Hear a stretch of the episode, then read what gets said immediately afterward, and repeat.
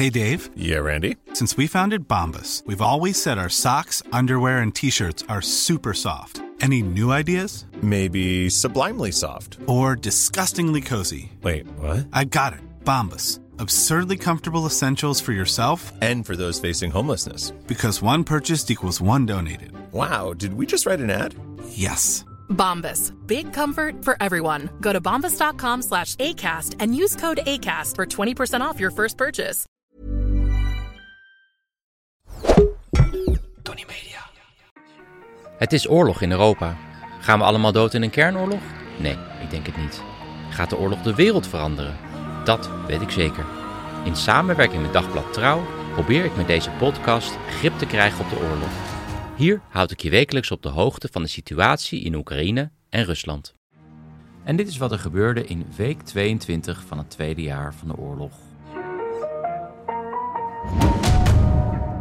Ja, net als eerdere weken wordt de oorlog op twee fronten uitgevochten. Op land en in de lucht. Een soort van ja, ter land en in de lucht. Maar dan zonder de zee. Zou dat programma eigenlijk nog bestaan? Van fiets hem erin en zo. Johan Flemmings natuurlijk. Schijnt trouwens het enige westerse programma te zijn dat in Iran wordt uitgezonden. Eh, maar goed, ik dwaal af. Ter land en in de lucht dus. En op land lijkt het Oekraïnse leger overwinningen te blijven boeken in de regio Bakhmut. Er zijn zelfs berichten dat de Oekraïners de stad zelf zijn binnengekomen. En dat zou echt een vernedering zijn voor de Russen, die natuurlijk tien maanden erover hebben gedaan om die stad te veroveren. En de inname van de stad Bakhmut door de Oekraïners zou een enorm belangrijke overwinning zijn voor Oekraïne. Al is dat voorlopig nog echt wishful thinking, maar je weet nooit. Niet vanwege dat ingenomen territorium, want die stad is natuurlijk al lang een kapotgeschoten ruïne, maar vanwege de symbolische betekenis. En die kan in een oorlog net zo belangrijk zijn. Ook zouden Oekraïners in de aanval zijn bij Avdiivka, vlakbij de stad Donetsk, die de Russen al sinds 2014 in handen hebben. En de bedreiging van die stad Donetsk heeft ook een enorme symbolische betekenis. Over Avdiivka praat ik zo verder met Frankie van Hintem, een van de Nederlanders die al meer dan een jaar patat of friet, afhankelijk van waar je woont, uitdelen aan de Oekraïnse bevolking. En hij bracht onlangs een bezoek aan die stad Avdiivka. Intussen zijn de Russen nog steeds in de aanval bij de stad Svatove. Ze proberen daar een strategische spoorlijn terug te veroveren. En intussen is dus ook die strijd in de lucht aan de gang. Vannacht waren er opnieuw grootschalige aanvallen op Kiev. Voornamelijk waren dat Shahed-drones. De meeste zijn neergehaald. Anders was het eerder deze week in de havenstad Odessa. Die stad is zwaar gebombardeerd. Die raketten kwamen wel door de luchtverdediging. En ja, Odessa is lange tijd relatief ontzien door de Russen, mede door de graandeal, waardoor de Oekraïners graan konden exporteren. Maar nu heeft Rusland zich teruggetrokken uit die deal en Poetin gaf aan dat Rusland nu in het gat stapt van uh, Oekraïnse graanexporten. Dat gaat vooral naar Afrikaanse landen. Die zijn uh, enorm afhankelijk van Oekraïns graan. Dat zei Poetin overigens op een top met Afrikaanse leiders, waar hij overigens niet fysiek aanwezig was. De top was in Zuid-Afrika en het land is aangesloten bij het internationaal strafhof in Den Haag. En Poetin, ja, die zou gewoon uitgeleverd kunnen worden aan Den Haag. En dat is natuurlijk een duidelijk gevolg van de isolatie van Rusland. In ieder geval, de Russen die stuurden een aantal raketten op Odessa af. En dat leidde tot grote schade, waaronder bij de Transfiguratiekathedraal in Odessa. En die kathedraal is bijna net zo oud als de stad zelf. In de Sovjet-tijd had Stalin ook al eens de kathedraal opgeblazen. Zoals hij trouwens ook deed met de Christus de Verlosser-kathedraal in Moskou. Want geloof was natuurlijk de opium van het volk.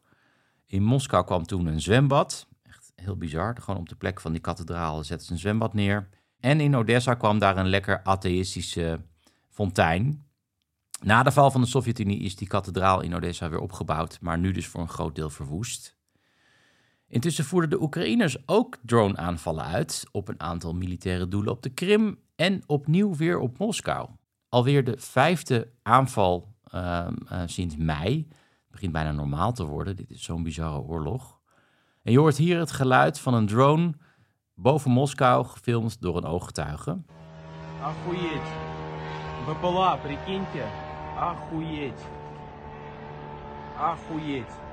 Ja, agouyet betekent ongeveer tering of holy shit. Vooral als je ergens over verbaast. Ja, hier filmt iemand rustig hoe die drone over Moskou vliegt. Ik zou zelf dan misschien naar binnen gaan, maar ja, misschien gelooft die man niet dat het echt een bewapende drone is. Luchtalarm gaat trouwens ook niet af. En dit keer kregen de Russische televisiezenders ook instructies om geen aandacht aan de drones te besteden. Hoe dan ook, die drones die vielen neer in de wijk Gamovniki. En dat ligt dan op een steenworp afstand van het ministerie van Defensie. Een van die drones die zou ook op het pand naast dat van de GRU, de militaire inlichtingendienst, zijn gevallen. Uh, het gebouw waar trouwens de Russische hackers actief zijn en uh, ja, proberen allemaal netwerken plat te leggen sinds de Amerikaanse verkiezingen. En ja, dat die drone niet neergehaald is, is natuurlijk ongelooflijk. Boven dat ministerie van Defensie. Die drone is ook nog eens niet heel erg snel. Dat hoor je ook aan het brommergeluid, net in het fragment. Een beetje vergelijkbaar met een Shahed-drone. En het is veelzeggend dat Kiev gisteren ze allemaal uit de lucht schoot, maar dat ze in Moskou gewoon doel treffen. En dat zal zeker niet de laatste keer zijn. Gaan we door naar de Russische media.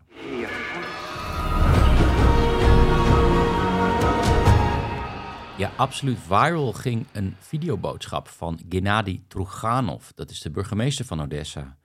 En voor de oorlog was deze Truganov nog behoorlijk pro-Russisch, net als veel Odessieten trouwens. Het was voor de invasie nog maar de vraag welke kant Odessa zou kiezen in de oorlog. Nou, het is nu helemaal duidelijk. Die stad staat pal achter Oekraïne. En die stad was bijna geheel Russisch-talig, maar je ziet dat veel mensen daar, net als andere plekken in Oekraïne, uh, sinds het begin van de invasie Oekraïens aan het leren zijn. En dat geldt ook voor deze burgemeester, die notabene een Russisch paspoort heeft. Maar in de video richt hij zich in het Russisch tot de Russen. Russen die trouwens met veel afgrijzen naar dat bombardement van die kathedraal hebben gekeken. Ook veel Russen die tot nu toe Poetins oorlog hebben gesteund. Geval, die Troganov die zegt... Een paar woorden voor de bezetters. Als je eens wist hoe Odessa jou haat. Niet alleen haten, maar ook verachten. Je vecht tegen kleine kinderen, tegen orthodoxe kerken. Sterker nog, je raketten landen zelfs op de begraafplaats. U kent ons Odessieten heel slecht. Je maakt ons niet kapot, je maakt ons bozer. En jullie zijn gewoon wezens zonder moraal en waarde en zonder toekomst. Nou ja, in het Kremlin hebben ze de boodschap nog niet begrepen. Daar gaan ze rustig door met het kleineren van uh, andere volkeren. Deze week waren de Kirgizen aan de beurt. In Kirgizië is namelijk een wet ingevoerd uh, waardoor ambtenaren verplicht zijn om Kirgizisch te spreken. Nou, lijkt me best redelijk. Het zou in Nederland ook raar zijn als je bij de gemeente bijvoorbeeld niet terecht zou kunnen met Nederlands. Maar de Russische minister van Buitenlandse Zaken Lavrov noemde die beslissing ondemocratisch. Veel democratischer als alle voormalige Sovjet-republieken gewoon de taal van hun voormalige bezetters spreken. Verder gonst het in de Russische media veel over de arrestatie van Igor Girkin, a.k.a. Igor Strelkov. Ja, dat is een gezochte oorlogsmisdadiger. Hij is schuldig bevonden uh, voor het neerhalen van vlucht MH17. En sinds dag 1 van de oorlog is hij eigenlijk een van de meest uitgesproken critici van Poetin. Voor duidelijkheid trouwens, hij vindt dat Poetin veel te weinig doet in Oekraïne. Hij wil volledige mobilisatie en nog een hardere lijn. Onlangs viel hij nog Poetin aan op zijn telegramkanaal. Hij had het toen nog over de termijn van zes jaar. Poetin kan opnieuw zes jaar president worden. En hij zei dat het land niet nog eens zes jaar laffe middelmatigheid kan verdragen. Hij heeft een enorme schare met fans. Ook veel Oekraïners volgen hem. Fans zijn natuurlijk niet, maar hij wordt over het algemeen wel gewaardeerd voor het beeld dat hij geeft van de oorlog. Hoe dan ook, die Gierkin die zit nu vast en hij kan vijf jaar celstraf krijgen. Als hij niet in de tussentijd uit het raam valt. En ja, het is natuurlijk prima dat hij nu ligt weg te rotten in een Russische cel. Want hij had natuurlijk ook kunnen kiezen voor een comfortabelere cel in Den Haag. Maar dat kan niet meer. En ja, het blijft natuurlijk wel een beetje een raadsel waarom Girkin juist nu wordt opgepakt.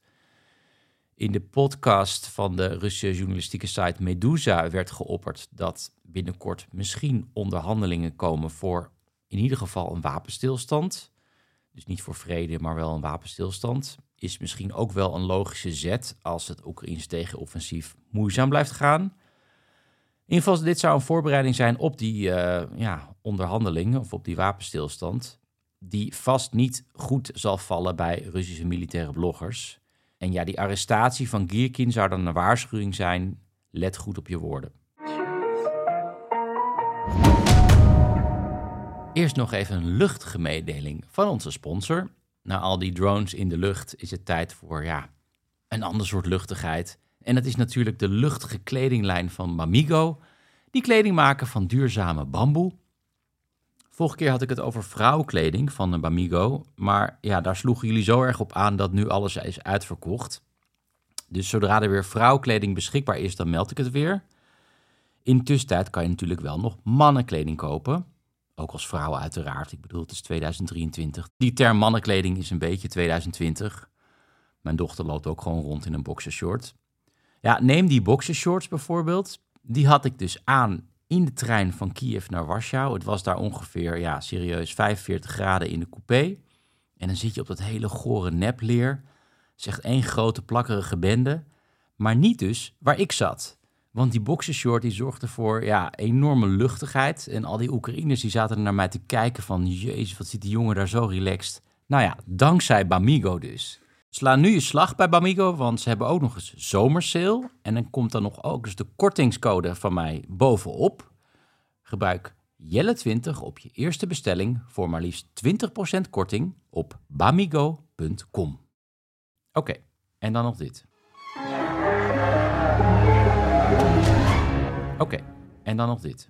Ja, van alle reportages die ik heb gelezen over de oorlog is altijd één verhaal blijven hangen. Ik heb het ook ooit gehad over in de podcast. Het verhaal is geschreven door Peter Pomerantsev. Die schreef ook het boek Niets is waar en alles is mogelijk over Russische propaganda. Absolute aanrader. In ieder geval, die Pomerantsev die bezoekt op een gegeven moment een dorp in de regio Chernihiv. Waar de bewoners Russische soldaten in huis hadden. Die zaten daar ja, ingekwartierd. En in de maand dat die Russen daar zitten, bouwen die bewoners een beetje een rare band op met hun bezetters. Ze hebben ook hele interessante gesprekken over de oorlog. Ze vragen die Russische soldaten bijvoorbeeld: waarom zijn jullie ons dorp binnengevallen? En dan zeggen die soldaten: ja, om jullie te bevrijden. En dan zeggen ze terecht: maar we willen helemaal niet bevrijd worden. Hoe dan ook is echt een fascinerend stuk. Ik zal het in de show notes zetten. Maar goed, toen ik in Oekraïne was, besloot ik om naar dat dorp te gaan waar dit verhaal zich afspeelde. En dat heet Lukashivka. En we reden uh, door andere gebombardeerde dorpen. Lang nog niet alles is uh, hersteld in Oekraïne. En het grootste probleem zijn de mijnenvelden. Links en rechts van de weg lagen die uh, mijnenvelden. Dus ja, even pissen tegen een boom zit er niet in. Dat moet je gewoon op de weg doen. Uit een rapport deze week overigens bleek dat met het huidige tempo van ontmijnen het nog 750 jaar gaat duren voordat Oekraïne mijnvrij is. Dat is echt bizar. Ook, we reden het dorp binnen en daar stond een kerk die ooit prachtig was, maar die was uh, ja, tijdens de invasie kapot gebombardeerd. Er zat een gigantische krater in het dak. We hebben ook even binnengekeken en we hebben toen goed opgelet om daar op eerdere voetafdrukken te staan. Want dan weet je dat het veilig is, want Russische soldaten die laten regelmatig booby traps achter op dit soort plekken. En ja, naast die kerk werd alweer een nieuwe gebouwd, tenminste een uh, kapel, een houten kapel. En dat laat zien hoe veerkrachtig die Oekraïners zijn. En die dorpelingen van Lukashivka, die vertelden me dat veel mensen in die kerk schuilden tijdens het bombardement. Dus ja, terwijl die soldaten dus dat dorp binnenvielen. Want ze dachten, de Russen zullen toch geen kerk bombarderen. En daardoor is een aantal daar in die kerk doodgegaan. En een van de inwoners van het dorp, liet mij een uh, kelder zien. Dat was een uh, vrouw en ze sprak tegen mij in het Oekraïens. Ze heeft haar hele leven Russisch gesproken, net als de meeste mensen in dat dorp. Maar sinds het moment dat ze uit de kelder klom, spreekt ze alleen nog maar Oekraïens. Want in die kelder werden tijdens de invasie 38 mensen uit dat dorp opgesloten. Dus een kelder van hooguit ja, 20 vierkante meter, zo'n ja, zo'n voorraadkelder, waar Oekraïners al hun wekpotten met ingelegde groenten in plaatsen. En ja, zij zaten dan onder in die kelder en boven waren dan soldaten dronken aan het worden. Die dronken de hele drankvoorraad op tot de laatste druppel. Ze hebben echt dat hele dorp leeggeplunderd uh, van uh, drank, ook de drankwinkel leeggehaald. En toen ze vertrokken hebben ze ook andere spullen geplunderd. Ik vroeg ook wat het raarste was dat de Russen hadden meegenomen. En dat was één, een waterkoker zonder zo'n plaatje eronder, met het snoer eraan. Want ze wisten gewoon helemaal niet hoe zo'n ding werkt. En twee, een garde. Echt gewoon een garde om eieren te kloppen. In ieder geval in die kelder, toen ze vaststaat, er moest er een vrouw bevallen. En die soldaten die boden aan die vrouw naar het ziekenhuis in uh, ja, door Russen bezet gebied te brengen. In dronken toestand sowieso, dus een beetje gevaarlijk. Maar die vrouw die weigerde, want ze was bang dat dat kind zou worden afgenomen in het ziekenhuis. Wat ja, terugkijkend zeker mogelijk is als je kijkt naar al die uh, ontvoerde kinderen in, uh, in Rusland. Dus zij is uiteindelijk in die kelder bevallen. En die man liet mij de plek zien waar ze beviel. Dat was ja, tussen zakken met pootaardappelen. Ik heb trouwens een aantal foto's van die plek op mijn uh, Insta gezet. Kan je altijd even kijken. Ik zal nog een link in de show notes zetten. In ieder geval, de naam van haar kind, hoe kan het ook anders, werd Victoria. Met andere woorden, overwinning. Bij mij aan de lijn is Frankie van Hintem. Goedemiddag, Frankie. Een hele goede middag. Uh, samen met Koen van Oosten bakken zij al sinds het begin van de oorlog friet, of patat, hoe je het ook wil noemen, in Oekraïne. En intussen hebben ze in twaalf reizen al 165.000 bakjes gratis patat of friet uitgedeeld. Vind ik echt ongelooflijk. Veel luisteraars zullen ze wel eens hebben zien langskomen in de media, maar minder bekend is dat ze ook een YouTube-kanaal hebben met ja, echt in mijn inziens een uber-professionele talkshow ook. Oekraïne Insight. Ik zat ernaar te kijken. Ik dacht, wat, wat is dit nou? Hoe, hoe hebben jullie het gemaakt? Het is zo professioneel. Um, ja, nou ja, goed. Wij, uh, wij wilden eigenlijk uh, het heel eenvoudig doen. Ja. Uh, gewoon vanuit thuis vanaf een, vanaf een computertje. Ja. maar toen kwamen we in contact met jongens van, een, van een professionele studio. En die zeiden van, dat kunnen jullie bij ons doen. Wow. En, uh, ja, we zijn er aan alle kanten mee gematst. En zij zijn geweldig professioneel. En het enige uh, die niet professioneel zijn, dat uh, zijn Koen en ik, denk ik. Nou, jullie, jullie groeien ook in je rol. Jullie groeien ook in je rol. Ik, ik vind het echt ja, heel knap wat jullie doen. Want wat is eigenlijk het doel van, deze, van deze talkshow? Um, mensen op de hoogte houden en bijpraten over de afgelopen week. Nu hebben we even een zomerstop, ja. maar wij doen dat vanaf september weer elke week. En dan, uh, ja, dan doen we eigenlijk in het kort, redelijk eenvoudig, middels nieuwsberichten laten zien wat er de afgelopen week is gebeurd. We hebben altijd een journaliste, uh, Aljona Gramova, uh, vanuit Donbass. Die ja. zit dan in Bakhmut, dan aan. Okay. Die houdt ons op de hoogte van de situatie daar. Dan hebben we een YouTuber uit Oekraïne. We hebben altijd vaste gasten. En dat de mensen op de hoogte zijn van wat er in, uh, van in Oekraïne is gebeurd de afgelopen ja. week. Ja, mooi. Heel mooi. Um, uh, naast Ja. die talkshow hebben jullie ook een aantal reportages op dat YouTube-kanaal staan. En ik keek de meest recente en dat was een bezoek van jullie aan Avdiivka, waar ja, ontzettend hevig Ja. wordt gevochten. Jullie kwamen ook heel dicht op die nullijn. Op een gegeven moment zien jullie echt die Russen, toch? Ja, ja dat klopt. Uh, dus dan vanaf boven uh, waren we ook echt het kijken naar de Russen uh, waar ze zaten. Dat is vlakbij Donetsk.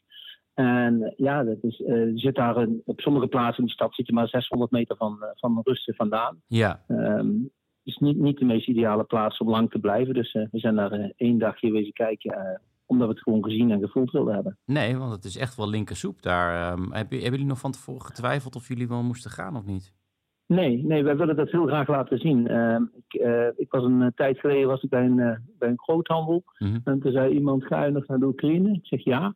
Oh, maar daar is het toch maar een, een beetje oorlog. Mm. En nee, wij willen ook ook laten zien hoe heftig het is en, en, wat er allemaal los is. Dat mensen echt op de hoogte zijn van, van, van feitelijkheden, hoe de situatie daar is. En als je feitelijkheden wil overbrengen, dan moet je ze zelf ook echt gezien hebben. Ja. Wij willen niet van horen zeggen vertellen. Nee, het blijft toch bijzonder dat mensen die nog nooit één stap in Oekraïne hebben gezet, toch daar hele uitgesproken meningen over hebben. Ja, Toch? dat gebeurt heel vaak. Ik krijg wel eens uh, reacties op mijn Facebook of zo. En dan, uh, soms zijn het uh, logische reacties, maar soms dan, sorry dat ik het zeg, maar soms zijn ze echt oliedom. En Ja, dan zie je gewoon, ja, die mensen hebben geen idee waar ze het over hebben. En ja. daarom willen we dat graag laten zien. ja want er zijn zelfs mensen die volgens mij denken dat die hele oorlog gewoon in scène is gezet. Of dat het een film is of een filmzet is gemaakt of zoiets. Er zijn meest krankzinnige ja, theorieën joh, gaan ra- ja. Ja. Ja. echt. Soms is het echt te gek voor woorden. We hebben dat ook gezien eh, ja, met de andere een situatie waar wij zelf bij betrokken waren. Hoe dat mensen hier omschrijven. Hoe dat het dan daar zou zijn gegaan. En wij hebben het dan met eigen ogen gezien. En dan, eh, ja, dan eh, zak, je, zak je sokken af, zal ik maar zeggen. Ja. En dit soort beelden zijn eigenlijk ook bedoeld om juist dit soort mensen ook te bereiken van hé, hey, ehm, dit is wat er echt aan de gang is aan het front. Ja, Ja, Ja, wij, wij pakken gewoon s'morgens de telefoon. Wij doen dat tijdens het frietbakken wat we daar doen. ja. Tijdens dat we daar naartoe gaan of op locaties in de buurt. Maar we gaan ook expres eh, richting het front om dat te filmen. En eh, dat mensen zien dat gewoon echt hele steden helemaal in puin gespoten zijn. Dat er niks meer over is. ja. En dat mensen dat echt zien. Ja. En het wat, wat me opviel was, nou, het is natuurlijk een en al eh, destructie buiten, maar, maar het valt me op dat jullie eigenlijk het meest geschrokken zijn, juist binnen in een ja, vrijwel intact appartement. Mensen zijn daar weggevlucht. Ik wil even een klein stukje laten horen. Kijk nou eens. Oh, mamma mia. Een parfumetje, een brilletje. De toilet. Ook nog een kamer in. Dit is van een jongen geweest waarschijnlijk. De computer. Bank, televisie. Hier, kijk nou eens. Ongelooflijk. Als dit niet met iemand wat doet, ja, dan weet ik het niet meer. Als dit niet iemand, wat met iemand doet, dan weet ik het niet meer. En dat is dus juist die plek die intact is. Dat Ja, vind ik zo bijzonder. Ja, omdat, ja, maar je komt dan, eh, we lopen dan een willekeurige flat in. Ja. eh, met, met militaire begeleiding. En dan zie je dat er koffers in de gang staan. Of dat er nog dozen uh, dichtgeplakt staan. Dus die mensen die hebben die mee willen nemen. Die zijn waarschijnlijk eh, op een bepaald moment eh, gedwongen om meteen te moeten vluchten. Ja. Hebben snel een paar tassen in de handen gepakt. En niet meer de tijd gehad om de trap nog een keer omhoog te gaan. Om de andere spullen te pakken. Je, je, ziet, ja, je ziet gewoon dat die mensen, de afwas staat er nog. Je ziet gewoon kopjes op tafel. Je ziet gewoon dat eh, bij sommige van die woningen dat mensen echt alle minuut hebben moeten vertrekken. En die weg daar vandaan die is ook nog eens levensgevaarlijk. Hè? Dat is maar één weg naar Afdevka, Ja. al, al geruime tijd. En die wordt ook beschoten. Dus op het moment dat je daarheen gaat, ze noemen de Je weg daar naar de vrijheid. Ik wou net zeggen, jullie hadden daar een Ja. term voor. Ja, de weg naar de vrijheid. Die wordt ja, voortdurend ja, beschoten. nou, goed, 's morgens, ja, 's morgens hebben wij hem dus ehm, andersom gereden, want we zijn naar die stad toegereden. Ehm nou, het is niet, je moet niet voorstellen voortdurend dat wij, wij de kogels om de oren hebben gehad. Mhm. Maar die weg is gevaarlijk. Die wordt, die, wordt, eh, die wordt beschoten op bepaalde momenten. En dat is bijna dagelijks. Dus je moet ook nog geluk hebben om goed weg te komen. En eh, ja, ja, het is onvoorstelbaar. Er wonen nog mensen trouwens. Gewoon, Ja, eh, want dat, dat, dat wou ik ook nog eh, over hebben. Later op straat spreken jullie een aantal mensen die volgens mij doofstom zijn. Denk ik. Ja. Ze kunnen in ieder geval niet eh, eh, Ja, spreken. Ja. En ja, je die vraagt ook wel aan ze, logischerwijs, van ja, waarom vertrekken jullie niet? En eigenlijk komt het er gewoon op neer, en dat is een antwoord dat ik ook wel vaker hoor in oorlogssituaties, omdat we hier wonen. ja, K- kan, ja, je, dat klopt. Wij, eh, kan je daar, eh, ja, heb je daar, snap je dat? Want ik vind dat soms moeilijk om te, te begrijpen. Ja, dat- bij deze, bij deze mensen snap ik het wel. Eh, die mensen, dat waren hele zachtaardige mensen. En eh, deze mensen die zijn gebleven om voor dieren te zorgen. Ja. Ehm, in de hele stad zijn er, daar ik begrepen heb, van de 10.000 mensen nog 1700 mensen over. Ja, Ehm, de meesten hebben een goede reden om te blijven. En voor deze eh, mensen is het zo dat zij... Zij vinden het zielig, al de dieren die achtergebleven zijn. Ze hebben een en al vogelhuisjes. Ze, hebben, eh, eh, ze geven voer. Ze, wij helpen die mensen ook een beetje met, met voer. En nou, pas geleden nu zijn we bezig met een, eh, met een zaag die ze graag willen hebben. Want ze maken vogelhuisjes en zo. Deze Ja. mensen die, eh, die willen niet weg om de dieren die daar zijn. Die willen ze verzorgen. oh, wat En fantastisch. eh, zij blijven. Ongelooflijk. Hey, Hele en, aardige mensen. en wat jullie filmden, Avdiivka, is dit nou gefilmd nadat jullie waren in die pizzeria in Kramatorsk, waar die raket opviel, of is het Nee, ervoor? nee. Dus eh, een dag of twee, drie daarvoor. Dag of twee, drie daarvoor. En toen Ja. waren jullie op terugreis eigenlijk, denk ik, eh, via Kramatorsk gereden, toen jullie daar in die Nee, pizzeria nee, zaten. Kramatorsk dat was, Kramatorsk was onze basis. We Ja. zijn daar een dag of vijf geweest. Ja, En vanuit Kramatorsk deden we elke dag een locatie. Dus we gingen friet bakken op een andere plaats in Kramatorsk. Wat trouwens ook een raketinslag al twee weken eerder was geweest. Daar hebben we gebakken en we gingen dan naar dat dorp in de buurt. Daar we denken dat het hard nodig is. Maar Kramatorsk is een ideale plaats om te verblijven. Omdat het, eh, het, heeft, het heeft nog min of meer de voorzieningen. Dus je zit daar een 25, 30 kilometer van de Russen vandaan. Dus net iets verder. ja, Niet bereikbaar met artillerie. ja. En ehm, er zijn nog een paar winkeltjes open. En eh, ja, er waren drie restaurantjes open. Dus daarom eh, vertrokken we elke keer vanaf daar ja. in de Dambas naar verschillende locaties. En toen sloeg er dus een raket in waar jullie zaten. Eh, Ja, dat was. horen jullie, hoor je zoiets überhaupt aankomen? Nee, nee, nee. Je- eh, wij, wij zaten gewoon te zitten en we zaten na te keuvelen, te, spreken over hoe we het morgen zouden aanpakken. En op dat moment eh, hoor je en voel je in één keer een hele harde knal. Geen, geen waarschuwing, geen geluid vooraf of zo.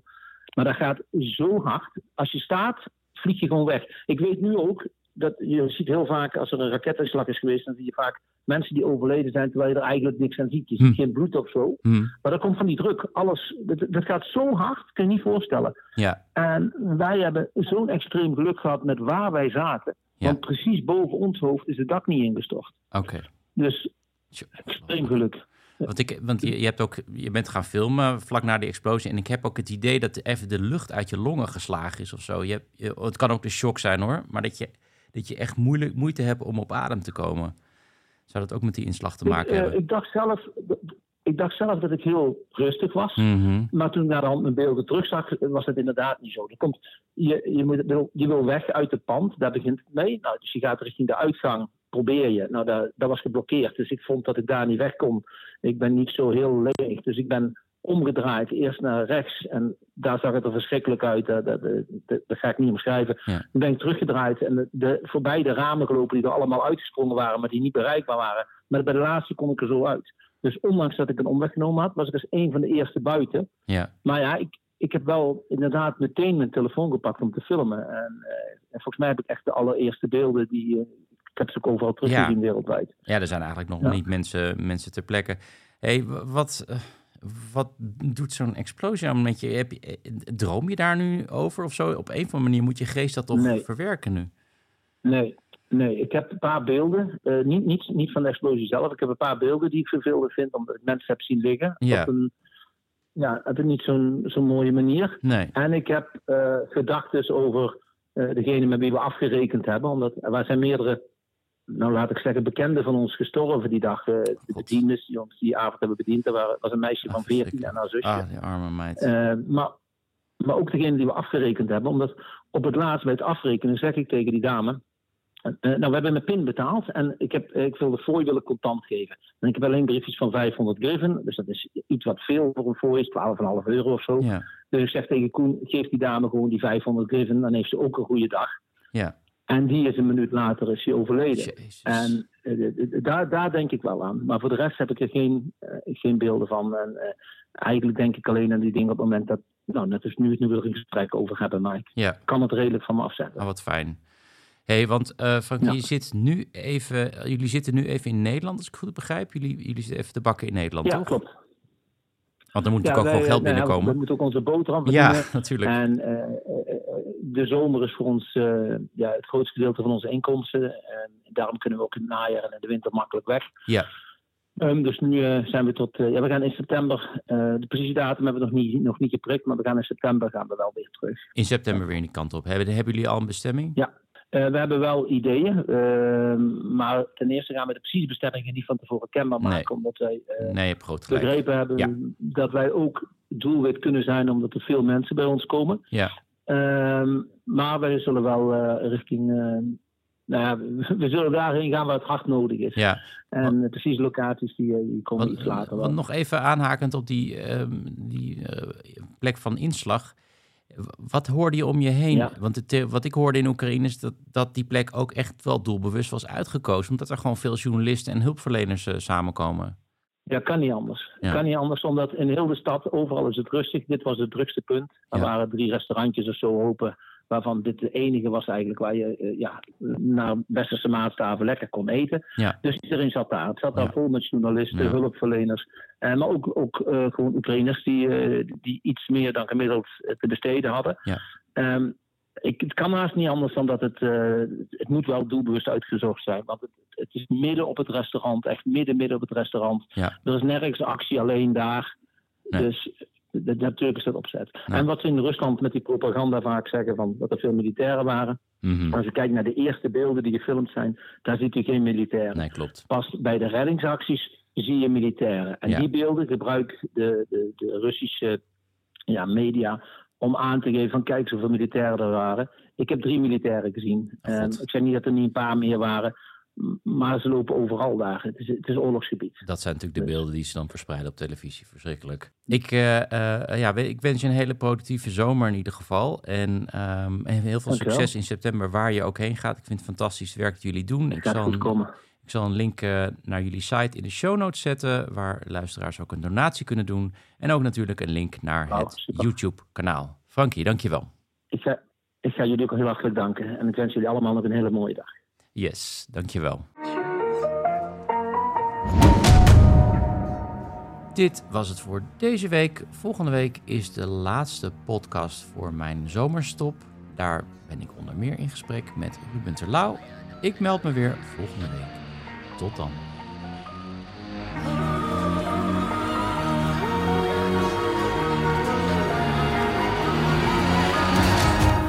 Dit was een productie van Tony Media en Dagblad Trouw. Voor meer verdieping ga naar trouw.nl. Tired of ads barging into your favorite news podcasts?